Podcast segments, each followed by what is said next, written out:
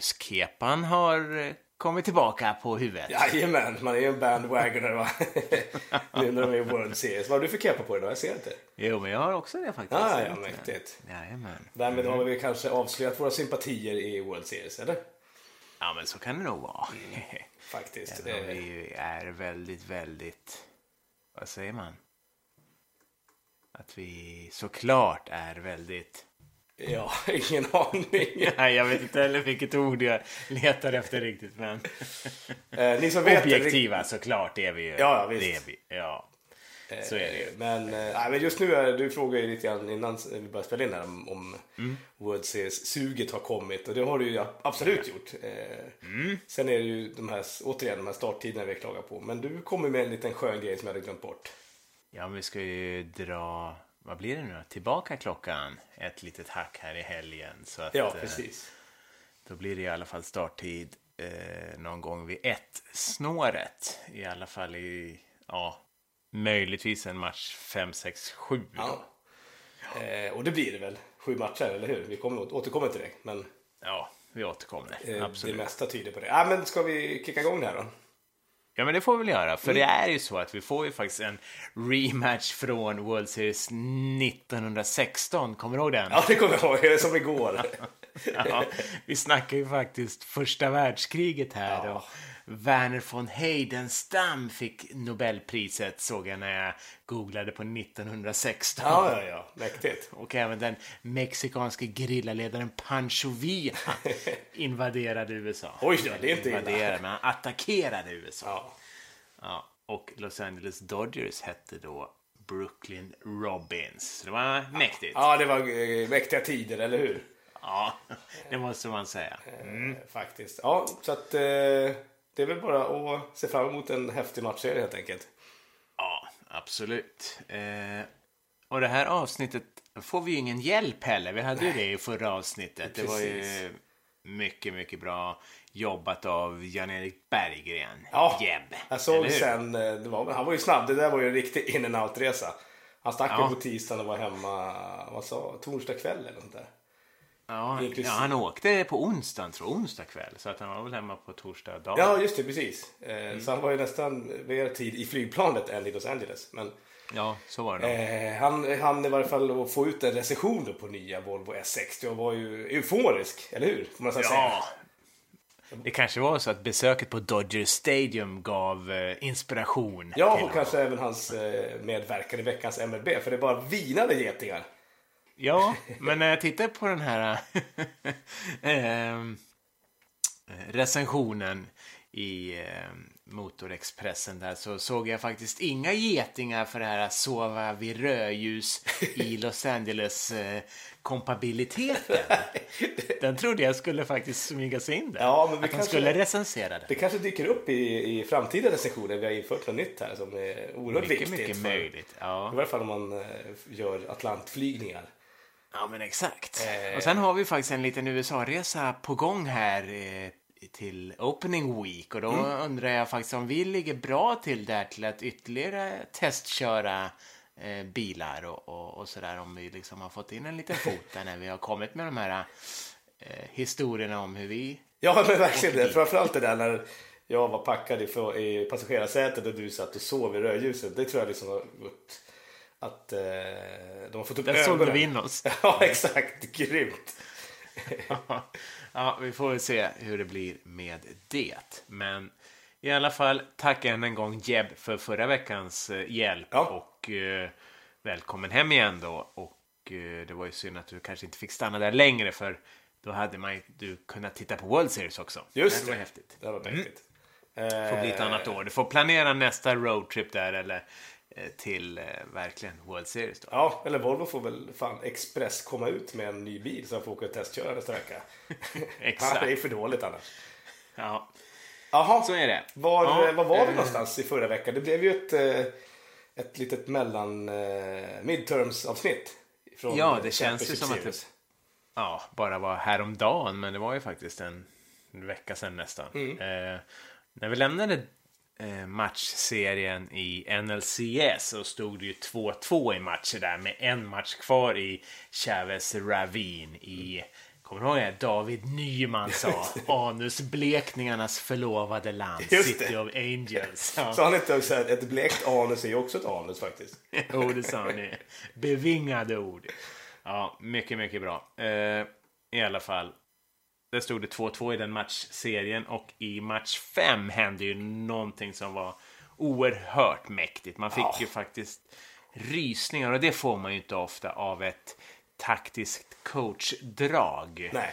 Eh, och det var ju i onsdags kväll då i, i Game 5. Det var ju Milwaukees coach Craig Counsell som ja, han startade ju en av sina bästa starting pitchers, vänsterhänte Wed Miley. På short rest, på tre dagars vila bara. För att möta upp Clayton Kershaw. Och eh, ja, alla trodde att det här skulle bli en traditionell pitcherduell. Och eh, som så många gånger eh, har vi tagit upp i podden här så gör Dodgers ofta stora ändringar i line-upen beroende på om de möter en vänster eller högerhänt pitcher. Eller hur? Det har ju vi snackat ganska många gånger om. Och eh, den här kvällen så ställde alltså Dave Roberts upp med sin bästa line-up för att möta vänsterhänta pitchers. Ja.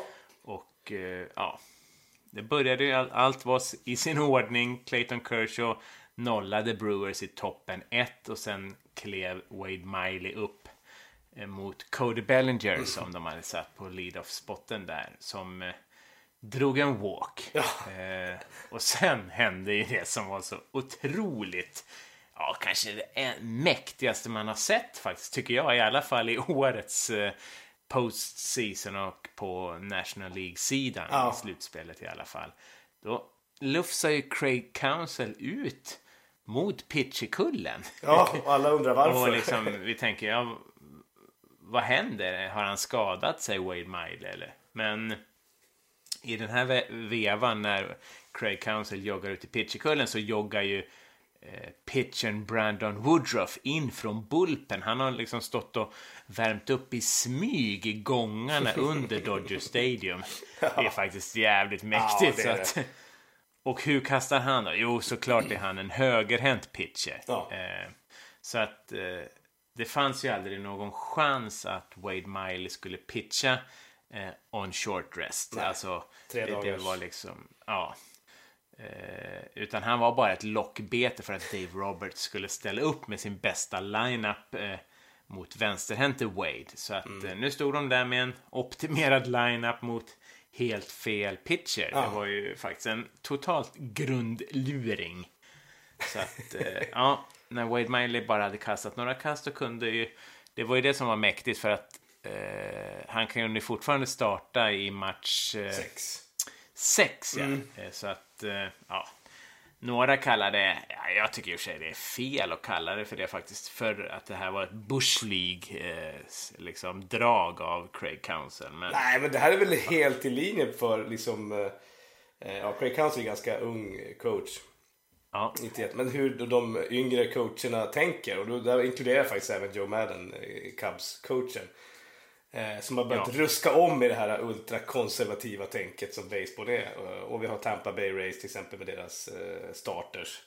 Eh, Ja, så ja. Det, det här är asmäktigt. Jag kan inte fatta varför det skulle vara Bush League. Alltså det är, nej, jag tycker också det är, det är en jättekonstig kommentar som man har sett både här och där. Men Ja. bara för att det är så man inte gör. Ja, men alltså det är så jävla larvigt. det är det Ja. där jävla vanliga tramset alltså. Men, eh, Ja. nej, men den, den eh, första inningen var, den var helt brutal. Den tog 25 minuter tror jag. Ja, Och det gjorde var ett pitcherbyte, det var två, tre walks, det var väl två hit by pitches. Ja, Eh, det, var alltså, ja, det var ganska exakt som eh, eh, slutet av matcherna brukar vara. Det kunde kunde Just vara det. nionde inningen egentligen. Ja. Ja, men det var en extremt mäktig eh, eh, ja, taktisk grej av Craig Counsell där. Och ja, han, han har ju inte en starting rotation. Han måste ju liksom eh, eh, hitta på sådana här saker. Ja, precis. Och verkligen försöka dra fördelar av det han har. Mm. Tyvärr gick det ju det här inte riktigt hela vägen. Han höll ju kvar Brandon Woodruff lite för länge i matchen som gled iväg då och till slut blev det ändå då 5-2 till Dodgers. Men Mm. ja, jag tycker ändå det var värt ett lite bättre öde. Det var mycket, Ja, mycket mäktigt gjort. Faktiskt. Ja. Eh, det var eh, högt vågat och tyvärr inget vunnet. Nej, Fast trots det här underläget i 2-3 i matcher så såg det ändå ganska ljust ut för Milwaukee Brewers. Mm. Eh, Dodgers hade ju bränt sin bästa pitcher då i match 5, Clayton Kershaw. Milwaukee hade kvar sina bästa starters, Mm. eller sina enda starters, måste man säga. Eh, Wade Miley och Julius Chachin ju. Ja, plus att de Och, skulle tillbaka hem till Milwaukee. Ja, men precis. Och att deras super-reliever-trio där med Josh Hader, Jeremy Jeffress och Corey Knebel eh, var helt utvilade. De har inte använt dem i, i match 5 och så var det en resdag och så nu i match 6. Så att eh, på så sätt så såg det jäkligt, jäkligt bra ut. Eh, men den här match 6 eh, kom att ha- handla om första inningen egentligen. För den började med att David Freeze eh, slog en lead-off homerun för Dodgers. Han är ju... Ja, vi har ju faktiskt tidigare pratat om eh, David Freeze bedrifter i sådana här sjätte matcher och han verkar ju fortfarande gilla dem. Gamlingen. Ja. Ja, men eh, Milwaukee slog tillbaka direkt inför ett utsålt underbart galet Miller Park. Så i botten av första inningen så slår de fem hits och gör fyra runs och leder alltså med 4-1 efter första inningen. Och, ah, redan där känns det avgjort, alltså hela alla tänker Game seven. seven. Ja. Ja. Så eh, ja, den var väl inte så mycket mer att skriva hem om den matchen då. Nej. Eh, Sen kommer då fram i, vad blir det då? Var det i söndags? ja, Att, eh, Eh, ja, det måste precis. Nej, jag kommer inte ihåg. nej, det måste, det måste vara lördags. Måste det Ja. ja. Jo, det var det precis. Och, ja, och snackisen innan handlar ju såklart mest om Dodgers rookie starting pitcher Walker Bueller. Mm. Eh, han var ju faktiskt eh, bara den andra rookien att starta en sån här winner take all Game 7 i en eh, League Championship Series matchup Mm. sen eh, ja, det um, expanderade de här matchserierna till fem matcher 1985. Så, Mm. att, eh, så det är jävla mäktigt. Eh, den mest minnesvärda starting pitcher rookien i, i en Game 7 eh, på väldigt länge. För minns du eh, Los Angeles Angels John Lackey Mm. som ju faktiskt eh, kom upp. Han var ju ett call-up under säsongen Ja. för Angels och eh, han gjorde en otroligt stark insats i deras match 7 i World Series när de ja, tog sin enda World Series-titel. Så att, eh, Just det. där måste man ju säga att det var ju en, eh, en riktigt, riktigt mäktig Game 7 av en rookie starting pitcher. Men det är väldigt, väldigt, väldigt sällsynt att man vågar släppa fram en rookie i de här situationerna. Ja, verkligen. Men eh, Dodgers hade väl inget val nästan? va? Nej, de hade väl kunnat gått med eh, Rich Hill på Short, short, ja. va, tror jag. Om det var han som var på tur. Eh, eller, ja, det var det ju. Mm.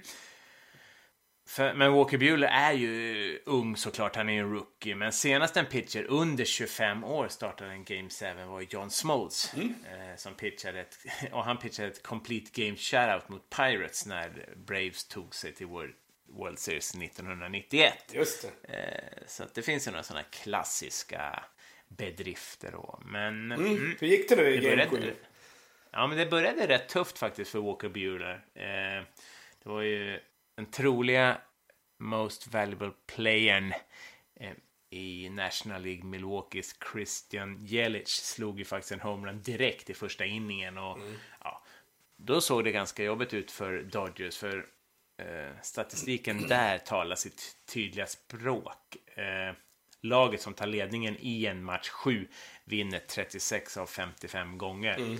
Så, eh, men men, eh, Dodgers svarade faktiskt och tog ledningen efter en lång Cody Bellinger homerun och ett otroligt defensivt spel av Chris Taylor på centerfield. Mm, just det. Eh, Dodgers folket snackar om att det det är bland absolut topp tre av defensiva spel all time i Dodgers slutspelshistoria. Och eh, ja, de har en ganska gedigen slutspelshistoria så att där förstår man att det är ett otroligt bra spel.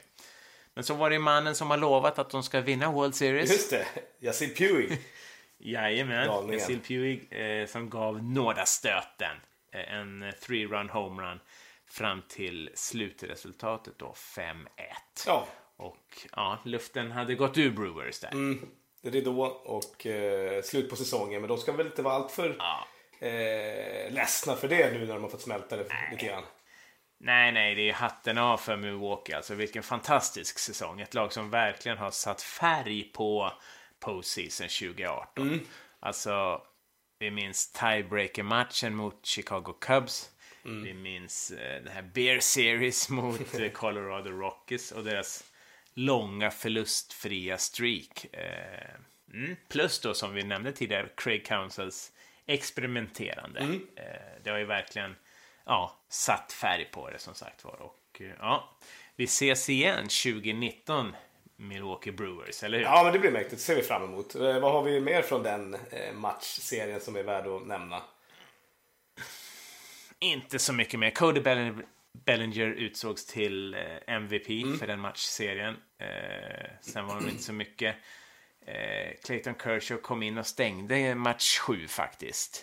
Eh, det inte, hör ju inte till vanligheterna, men eh, han slängde en perfekt nionde inning. En groundout, en strikeout, en strikeout. Eh, ja, Nej, men det var väl det. Då kan vi nästan stänga böckerna kring National League Championship Series 2018. Samma vinnare då, National, eller NL Pennant, togs hem av eh, Dodgers, precis som 2017 och exakt på dagen 30 år sedan senaste World Series-triumfen 1988. Gött. Mm, Dodgers, Los Angeles Dodgers. Ett, eh, ett tecken kanske må hända. Ja, möjligtvis, absolut. Vi får se. Ja, gött. Då hade vi ena laget eh, klart. För World Series, ja. Jajamän. Exakt, och då kan ju vi gå tillbaka då till eh, American League Championship Ja. Series. Där lämnade vi väl sist då Boston hade väl tack vare en supertaggad Nathan Eovaldi tagit greppet om matchserien eh, och Ja. med 2-1 va. Just det. Och eh, ja, trots att Ja, den pratar vi om, ja. Just det, han pitchade lite på hemmaplan där. Ja, exakt. Och eh, kastade eh, otroligt snabbt. Eller hans fastball var eh, 100 plus. Eh, och... Det är lite som du. Ja, precis. Och sen vaknade jag. eh, så att, jag tror att de flesta, trots att, att eh, Boston knep första matchen då på eh, Minute Maid Park, så eh, var de- de flesta inställda på att, att det här skulle nog, den här serien skulle vända tillbaka till Boston.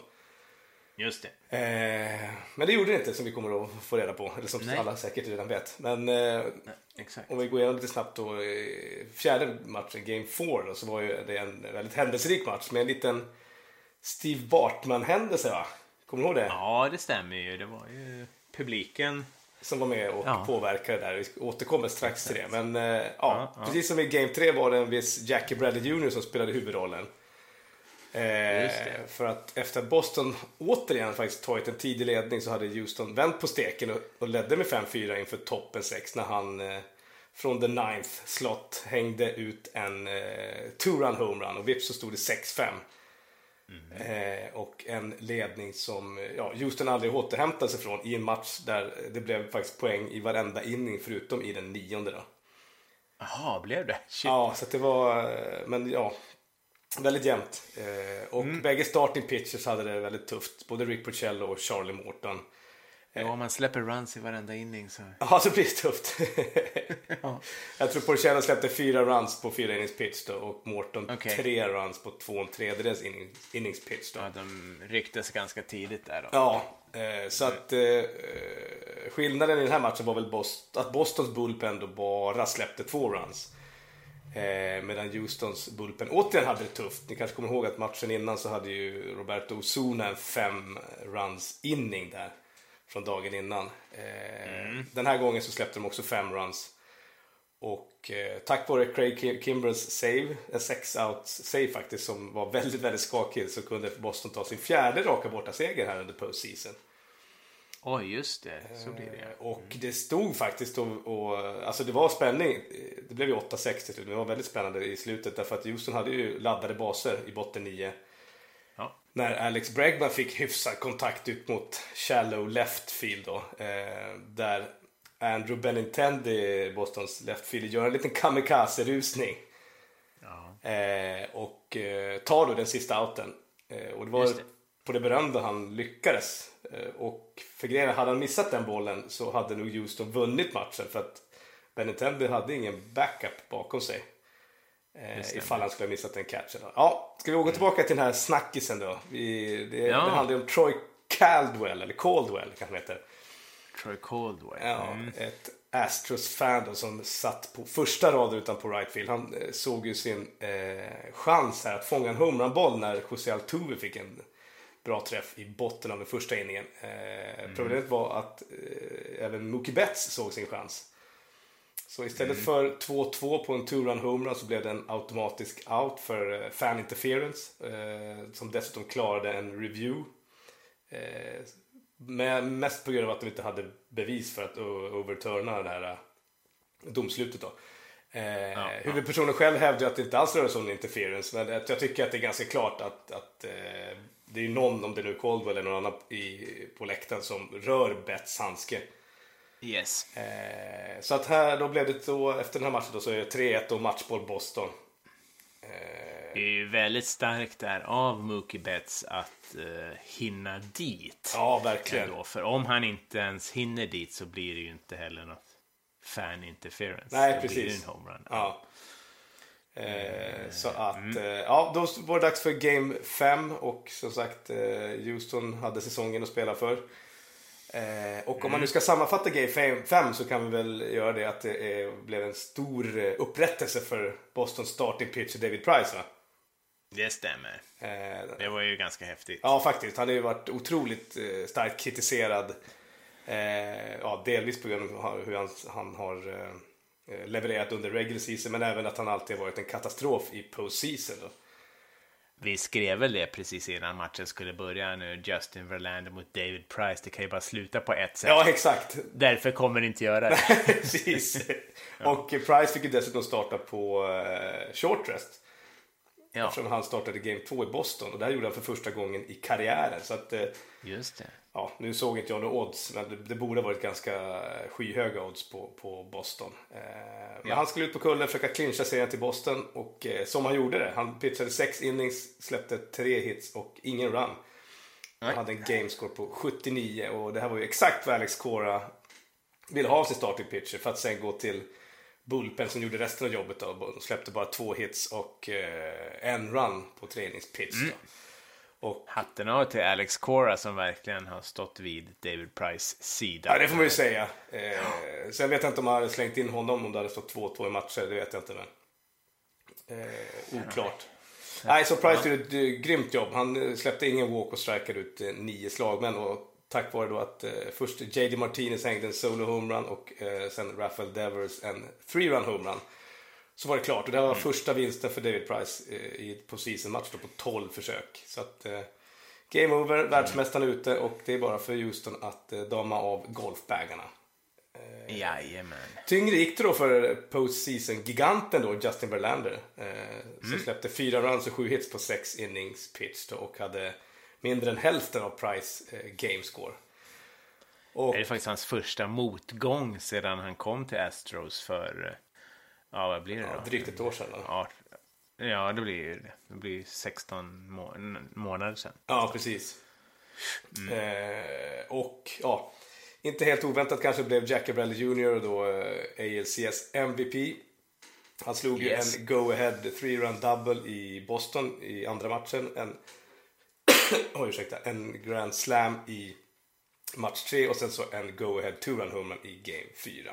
Så att om man ska summera den här serien så är det väl ingen jätteskräll att Boston går och vinner den här serien. Det är väl kanske snarare på det sättet de vinner. För, för det här var ju den serien man trodde skulle bli jämnast. Med ett uh, urstarkt Houston mot ett fantastiskt eh, Boston. Men en generell lagdipp tillsammans med individuella dippar uh, fällde ju Houston den här gången. Och kanske var det Alex Bregmans Instagram-post. Har du hört om den? Ja, absolut. Eh, han postade ett klipp från när han tillsammans med, jag kommer inte ihåg vilka andra två eh, Houston-spelare var, slog back-to-back-to-back homeruns mot Nathan Eovaldi fyra månader Jag tidigare. tror det var Springer och Altuve va? Sorry. Oj. Och det här gjorde han ju då mellan eh, Game 2 och Game 3 och kanske var det den lilla gesten som, som tände Eovaldi vars insats i Game 3 då i sin tur kanske tände Boston som efter 2-1 fick vittring på, på segern. Men ja, kaxigt var det i alla fall. Men sen huruvida det var svart, det vet jag inte. Nej, men det var det väl inte. Jag fattar inte. Det där är ju verkligen tändvätska. Ja. Till, skulle, ja. Det är så jäkla onödigt. ja, verkligen, verkligen. Eh, men visst var det så? José Altuve har väl gått och opererat sitt knä nu, va? Han Just det, väl, han har eh, problem ja. Eh, vet Så att, någon, eh, vad heter det, prognostiserad comeback? Nej, jag vet inte faktiskt det. Jag vet bara att eh, de har ju varit väldigt skade... eh, Det har varit ett skadefyllt år för hela Houston Astros. Så att, eh, mm, det väger väl in såklart. Det är tufft att gå långt i slutspel flera år i rad. Så är det ju. Jo, verkligen. Eh, det De bara, spelar ju nästan en månad längre. Och det är ett ganska pressat spelschema ändå. Jo. Över hela. eh, men där, Ett halvår. där Dodgers eh, knöt ihop säcken och höll ihop så misslyckades eh, Houston. Mot för sig då ligans bästa lag. Yes. Så är det. Så att, vad får vi då? Jo, vi får ju faktiskt en World Series mellan Boston Red Sox och Los Angeles Dodgers. Eh, en, eh, en World Series helt utan sponsrade arenanamn också för den som eh, tycker att det är intressant. Det är ju faktiskt jäkligt coolt. Eh, vilka övriga ballparks har vi utan arenanamn? Ja, vi kollar väl upp det. Kom vi fram till... Eh, hittade vi alla? Eller vi bara drog igenom lite snabbt? Ja. snabbt. Det var Kaufman ju- Stadium, Kansas City. Ja, Yankee Stadium såklart. Och så dina, Ja. två, dina två parker.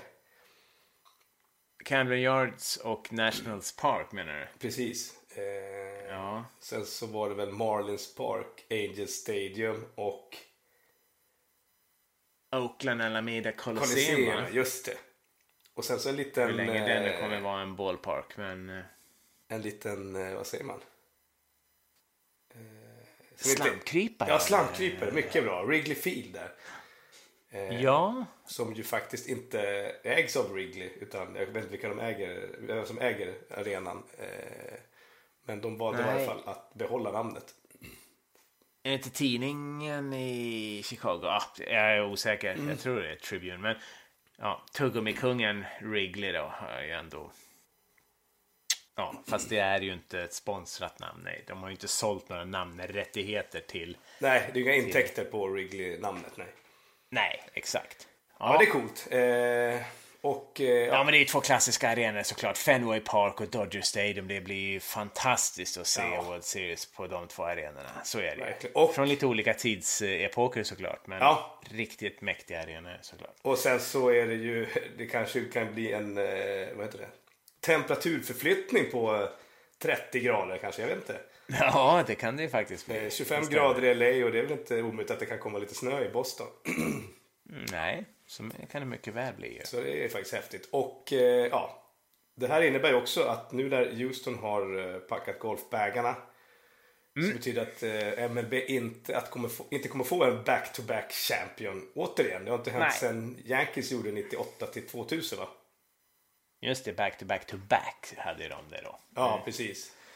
Eh, och Det, det, tid- tidigare rekordet var väl, vad var det? Det var 14 år va? Ja, precis. Eh, 79 till 92 innan Toronto lyckades med konststycket 92-93. Ja, just det. Och, eh, Och den här streaken är väl faktiskt tied för den längsta sån här back-to-back-torkan bland de fyra största idrotterna i USA, va? Är det inte så? Jo, precis. Eh, för även i NBA hade man en streak då mellan eh, ja, vad var det, 69-70 till 86-87 va? Ja, och det innebär ju, eller jag eh, tackar och tar emot. Jag tycker det är jättetråkigt med, med back-to-back eh, segrare. Verkligen. Mm, så att, eh, nej men det Så det är kul tycker jag att det blir eh, Boston mot eh, Att det blir en ny World Champion i år ju faktiskt. Ja, och som du var inne på, för Dodgers var det 30 år sedan. För Boston Ja. är det bara 5 år sedan sist. Det är inte heller faktiskt sådär jätte, jättevanligt att man ens spelar i två raka World Series. Nej, vad har vi där? Ja, sedan 2000 har fyra lag gjort det. Det var Yankees då som gjorde det 2000 och 2001. Mm. De förlorade ju 2001 då. Och, eh, de Arizona, fyra raka där. Visst var det mm. Yes. Mm. Eh, 2008 och 2009 var det i Philadelphia Phillies. De lyckades ju inte, de vann ju 2008, lyckades ju inte repetera det då eh, mot, vilka var det, Yankees var 2009. Just det, det var det.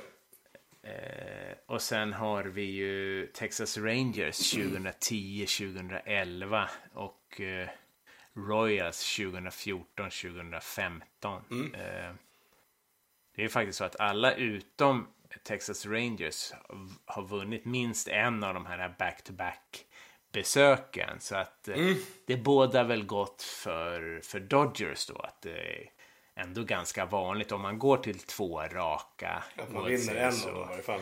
Ja, mm. jajamän. Ja, mm. som alla vet, Rangers hade ju den här heartbreaker-förlusten 2011 mot eh, Cardinals där. David Freese i, i huvudrollen. Ja, men precis. Eh.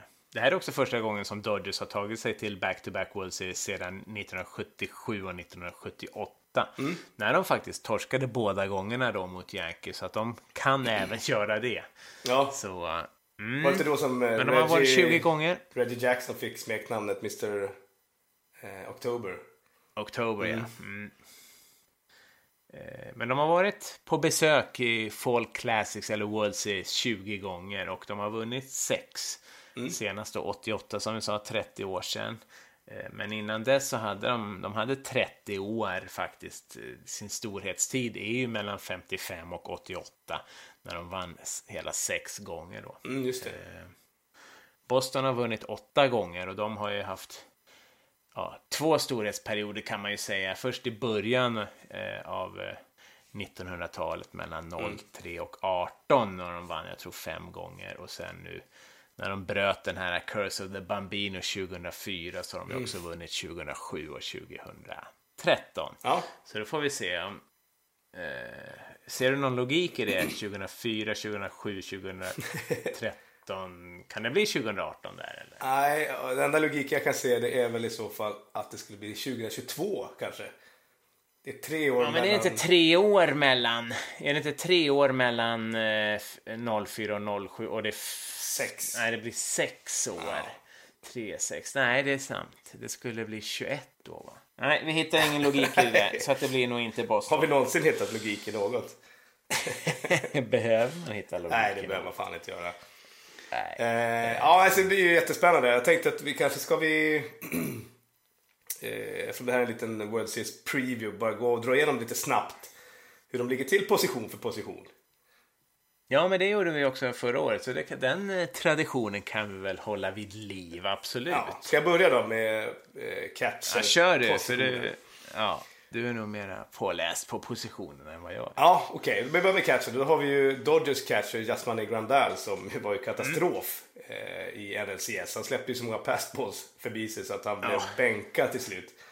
eh, ersattes av Austin Barnes som är väldigt habil yes. defensivt men eh, är bara 2 ja. för 18 i postseason.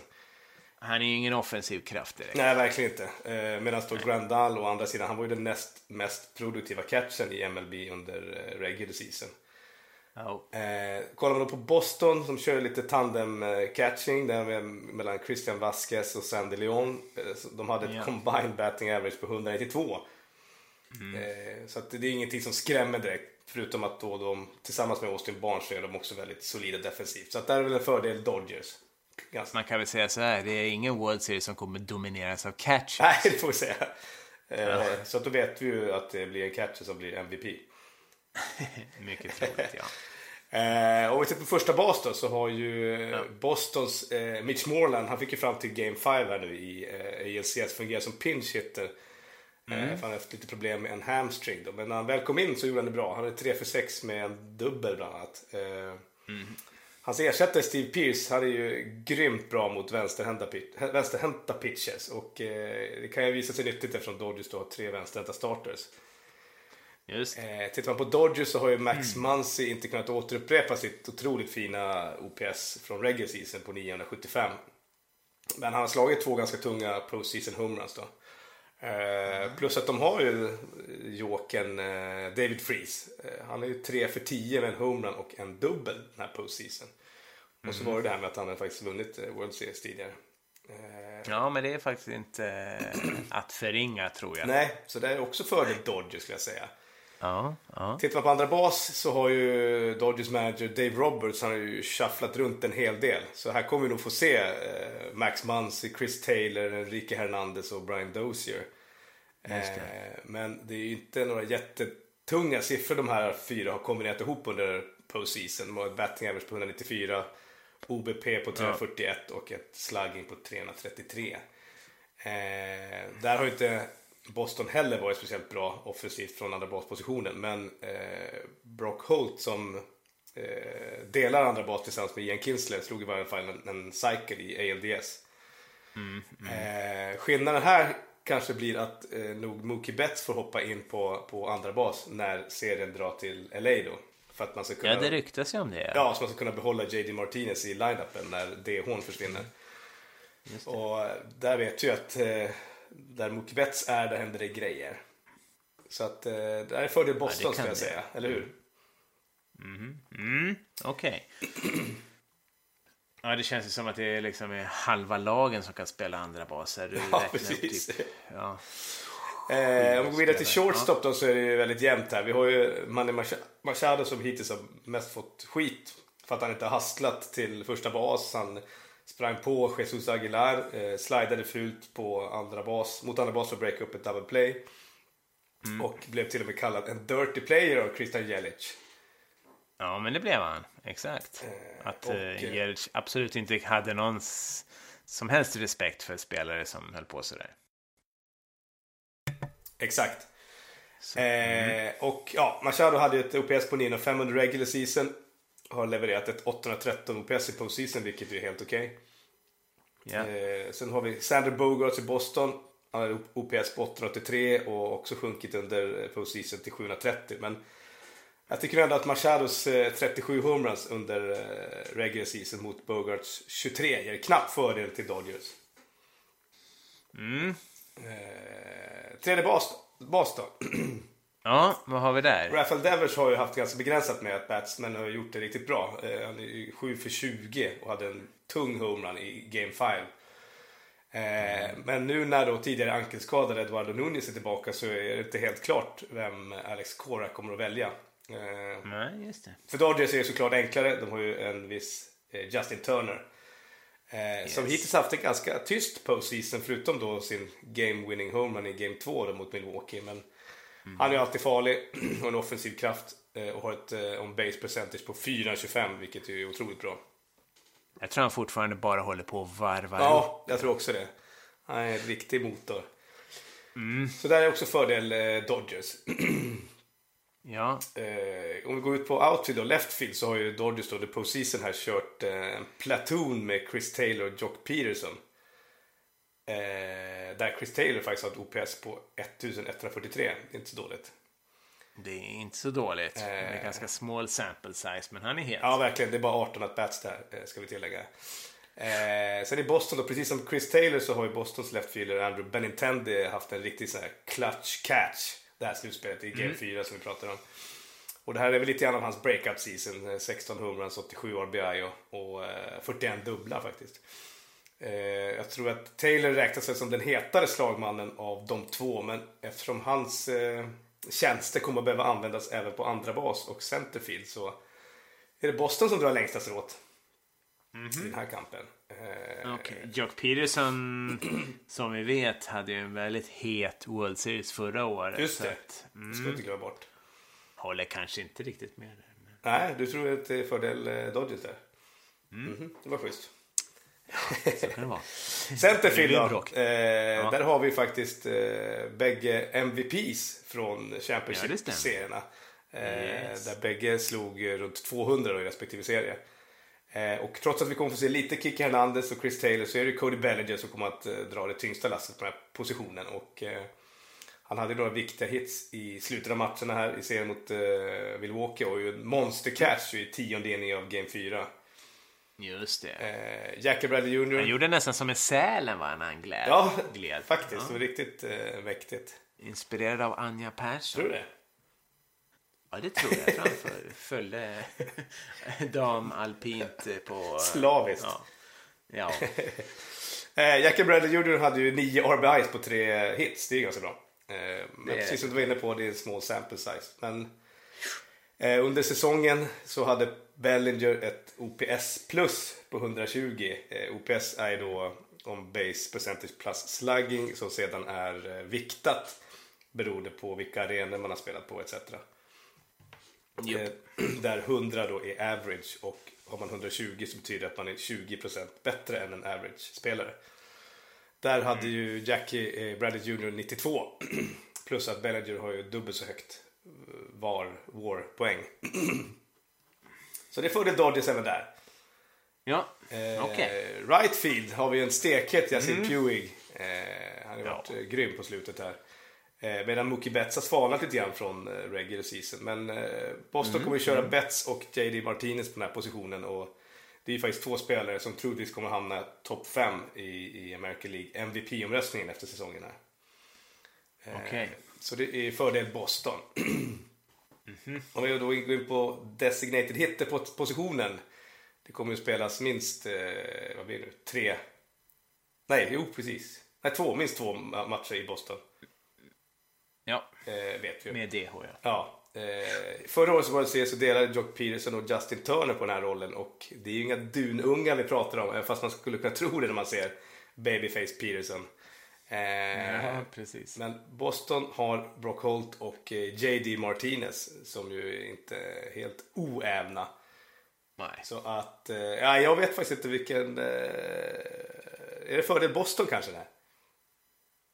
Vad säger du? Brock Holt känns ju kanske inte som någon homerun-maskin eller... Jag håller nog Dodgers där. Ja. Just med tanke på hur het Jock Peterson var förra året och att Justin Turner Är på gång. borde ändå vara fräsch alltså. Så att, mm. Eh, när vi går till starting pitchers då så eh, tittar man på Dodgers starters. Det är ju Clayton Kershaw, det är Jun-Jin Ryu, Walker Buehler och Rich Hill. De hade en combined era på 2,82 under regular season. Sizzling hot. Ja, och i postseason så är den siffran 3,86. Motsvarande för Boston starters då Chris Sale, David Price, Nathan Eovaldi och Rick Porcello är då 3,48 och 3,92. Men det finns ju så många andra faktorer än de här sifferbaserade. Eh, både Clayton Kershaw och Rich Hill fick ju pitcha från Bullpen i NLCS. Eh, och Boston Starters fick ju antingen värma upp eller värma upp och hoppa in som relievers i ALCS. Så, till exempel bara den här David Price lilla tweak på mekaniken som gjorde succé i Game 5. Är den här för att stanna? Eh, Walker Buehler, han är rookie. Är det nu han ska börja fatta det? Eh, vilken Clayton Kershaw kommer få se den här World Series? Och vad är Chris Sales fysiska status? Så därför kanske det är enklast att gå på siffrorna. mag... eh, Ma, någon slags maginfluensa och grejer va? Hade Ja, han var inlagd och Astros. med dropp på hela köret tror jag. Eh, Yes. Så att jag tycker det är jättesvårt. Eh, Så då kanske vi ska gå på eran och eh, svag fördel Dodgers. Och eh, ja, sen då sista Bullpens då. Det här har ju Kenley Jansen, Dodgers closer, efter en minst sagt skakig regular season där han släppte alldeles för många homeruns, nu äntligen stabiliserat sig. Och har väl pitchat Ja. sex och två tredjedels innings utan att ha släppt en run.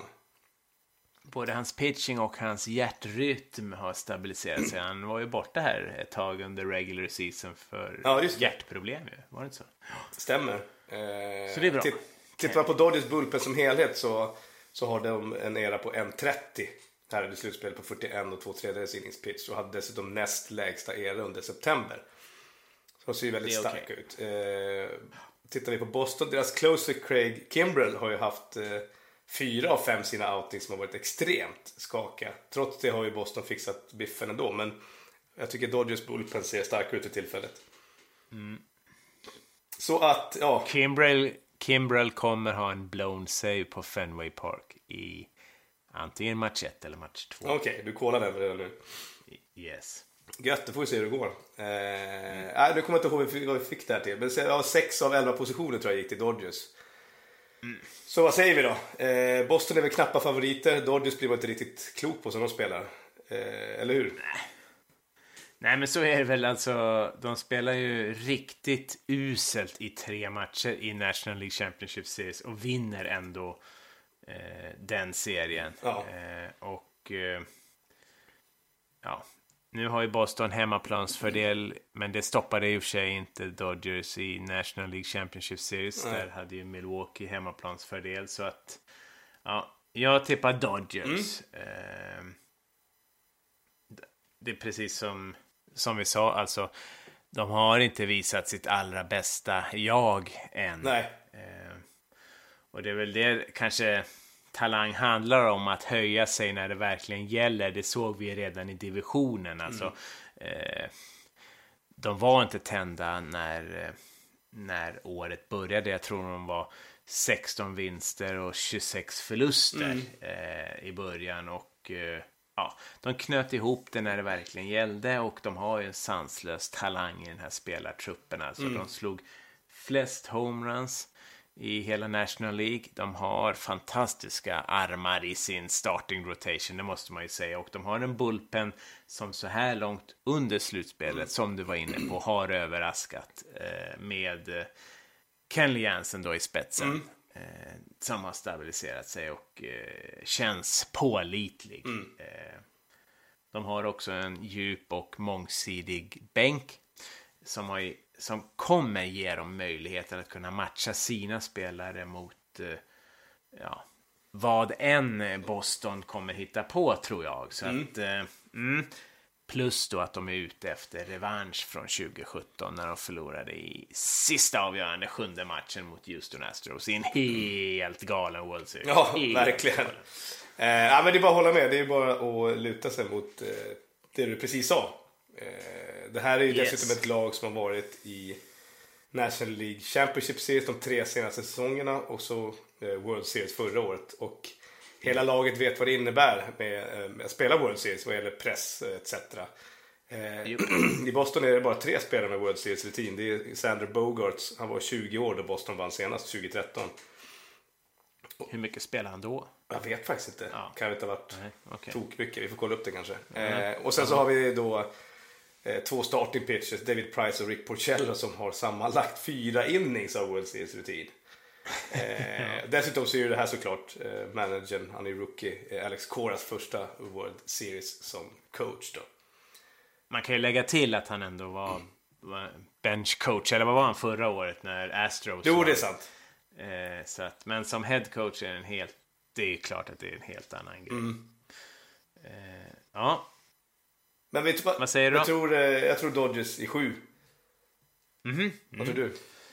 jag tror Dodgers i eh, fem. Ja, de tar det hemma på Dodger Stadium. Gött. Det hade varit häftigt. Ja, det här var grymt. Mm. Oavsett hur det går så är det ju häftigt ändå att det är Red Sox mot Dodgers i World Series. Alltså, Mm. Dodgers har spelat baseball sedan 1884 och Red Sox har spelat eh, sedan 1901. Ja. Det är ju hyfsat mäktigt. Så att, eh, och som vi var inne på tidigare så är det här faktiskt endast andra gången de möts i World Series. Mm. Och senast de gjorde det var de här 102 år sedan då, 1916. Ja, det är helt sjukt egentligen att de inte har mötts eh, efter det. Eh, Nej, inte i World Series. Men ja, det finns ändå en hel del likheter mellan lagen. Vi har varit inne lite på coacherna Dave Roberts och Alex Cora. De har faktiskt varit lagkamrater i eh, Dodgers och de har faktiskt båda också spelat för Red Sox. Så att eh, Alex Cora, Cora, han var infielder med Dodgers från 98 till 2004 och överlappade då med några säsonger outfielden Dave Roberts tid i Dodgers mellan eh, 2002 och 2004. Eh, Dave Roberts tradades vid trading deadline 2004 till Boston och kommer för alltid att ha en väldigt, väldigt stor plats i alla Boston-fans hjärtan efter en av de mest kända stulna baserna i postseason-historien. Så att han kommer få en, eh, troligtvis en stor standing ovation eh, i, innan eh, Game One. För eh, den här stulna basen som vi pratade om, den kom ju när Boston låg under med 3-0 i matcher mot New York Yankees i American League Championship Series. Just det. Eh, 2004 då. Och eh, de låg dessutom under i den nio, nionde inningen i match 4. Alltså de var så nära att bli svepta då av Yankees. Eh, men den här stulna basen som Dave Roberts då lyckades göra Jorge Posada han inte riktigt kasta bollen till andra bas där Derek Jeter inte riktigt han tagga ut och Dave Roberts. Så att han stod på andra bas när jag kommer inte ihåg vem det var som slog en singel. Men mm. i alla fall så innebar det att Dave Roberts kunde springa in den runnen och det var ju eh, början på ja, det var den mest klassiska vändningen i hela baseballhistorien tror jag. Ja, verkligen. För de vände ju hela den här matchserien och det slutar ju då med att den här The Curse of the Bambino bryts då de lyckas ta sig förbi Yankees och uh, vinner sen World Series. Mm. Uh, det finns också en lång rad stora, stora spelare som har spelat både för Red Sox och Dodgers. Vi har som är fortfarande aktuella nu så är det ju Rich Hill som har spelat i Red Sox, nu i Dodgers. Nathan Eovaldi som har spelat i Dodgers men spelar ju nu i Red Sox. Eh, sen har vi Pedro Martinez. Hideo Nomo som faktiskt kastade no-hitters både som Dodger och som Red Sox eh, spelare. Det är coolt. Ja, Bill Buckner, Ricky Henderson, David Wells, Nomar Garciparra. Sen har vi de här tre spelarna som fick gå från Red Sox när de satt och åt eh, chicken wings och öl i omklädningsrummet. Josh, Be Josh Beckett, Carl Crawford och Adrian Gonzales för några år sedan. Eller mm. det börjar bli ganska många år sedan nu. Väl. De gick ju då från Red Sox till Dodgers. Eh, och sen har vi Josh Reddick då som eh, Dodger. Mm. Mm. Så att eh, det finns likheter mellan de här två eh, stora lagen. Ja, och eh, visst är det... Men även om det var 102 år sedan som de möttes i World Series så har de ju faktiskt mötts senare än så. Mm. Eh, eller hur? De har ju mötts under det som kallas Interleague. Eh, ja, exakt. Första gången 2002 eh, var det väl? Ja. Och nu senast 2016. Hur har, har vi något att säga där om de matcherna? Eh, jag, har, jag tror att Boston har ett litet överläge med 8-7 va? Eh, där de bara förlorat en gång på Fenway.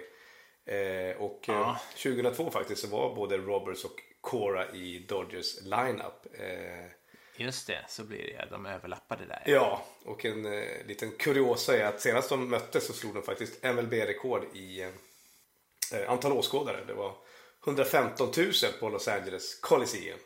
Ja, de flyttade den dit. Det var ju 2016. Ja. Mm. Vi hade väl precis börjat podda då om jag minns rätt. Men eh, det var ju mäktigt. Eh, så att det är klart att det finns ju ett extremt, extremt stort intresse för båda de här st eh, stora franchiserna. Ja, visst. Det var stor fanbase. Mm. Eh, sen vet jag inte, jag antar väl att, att eh, allmänheten måste säga, i USA kommer väl att ha sina sympatier hos Dodgers som eh, dels förlorade i, i sjunde matchen förra året och sen inte har en titel på 30 år. Nej men exakt. Eh, sen finns det väl några som har blivit ganska förbannade på Manny Machados beteende mm. här senaste tiden så att mm. Vi får se. Vi får verkligen se.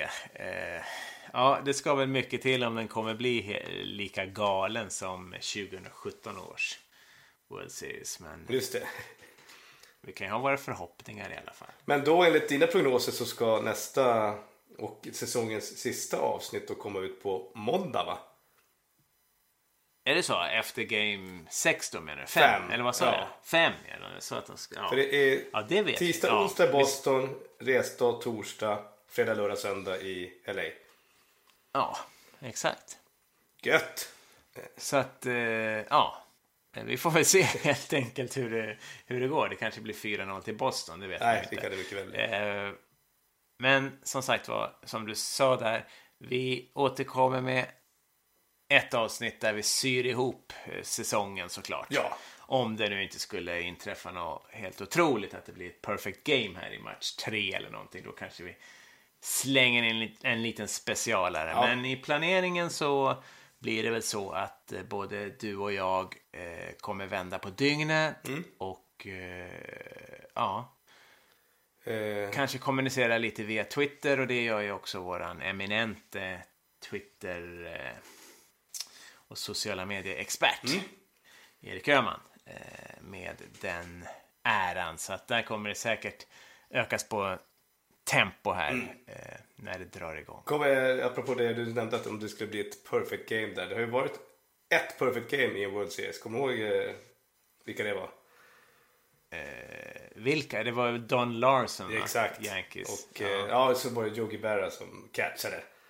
Aha, okej. Eh, men Jag vet inte vilket år faktiskt. Men det hade varit gött om det blev en, ett perfect game. Vi har ju faktiskt inte haft det på väldigt, väldigt länge. Det var ju en av, det var väl min toppgrej att se det här året, var det inte Jo, så? jag tror det faktiskt. Ja. Det började, och din var väl eh, att någon skulle eh, köra eh, Helikoptern. hitstreaken, va? Var det inte Ja, så? det kanske var. Jag kommer inte ihåg. Alltså minnet är ju inte bra på något sätt. ja, nej, men vi får se. Antingen, vad sa jag nu? Måndag, antingen på måndag eller på tisdag eller på onsdag nästa vecka då kommer ett avsnitt. Ja, eller på torsdag. Du vet. nej. eller hur? Men tills dess så säger i varje fall jag Chip Barella på er. Och jag säger ciao. That's all there is to the game, dear. If you cheat, the umpire throws you out. You cheated and you lied, satisfied. You made three strikes and now you're out.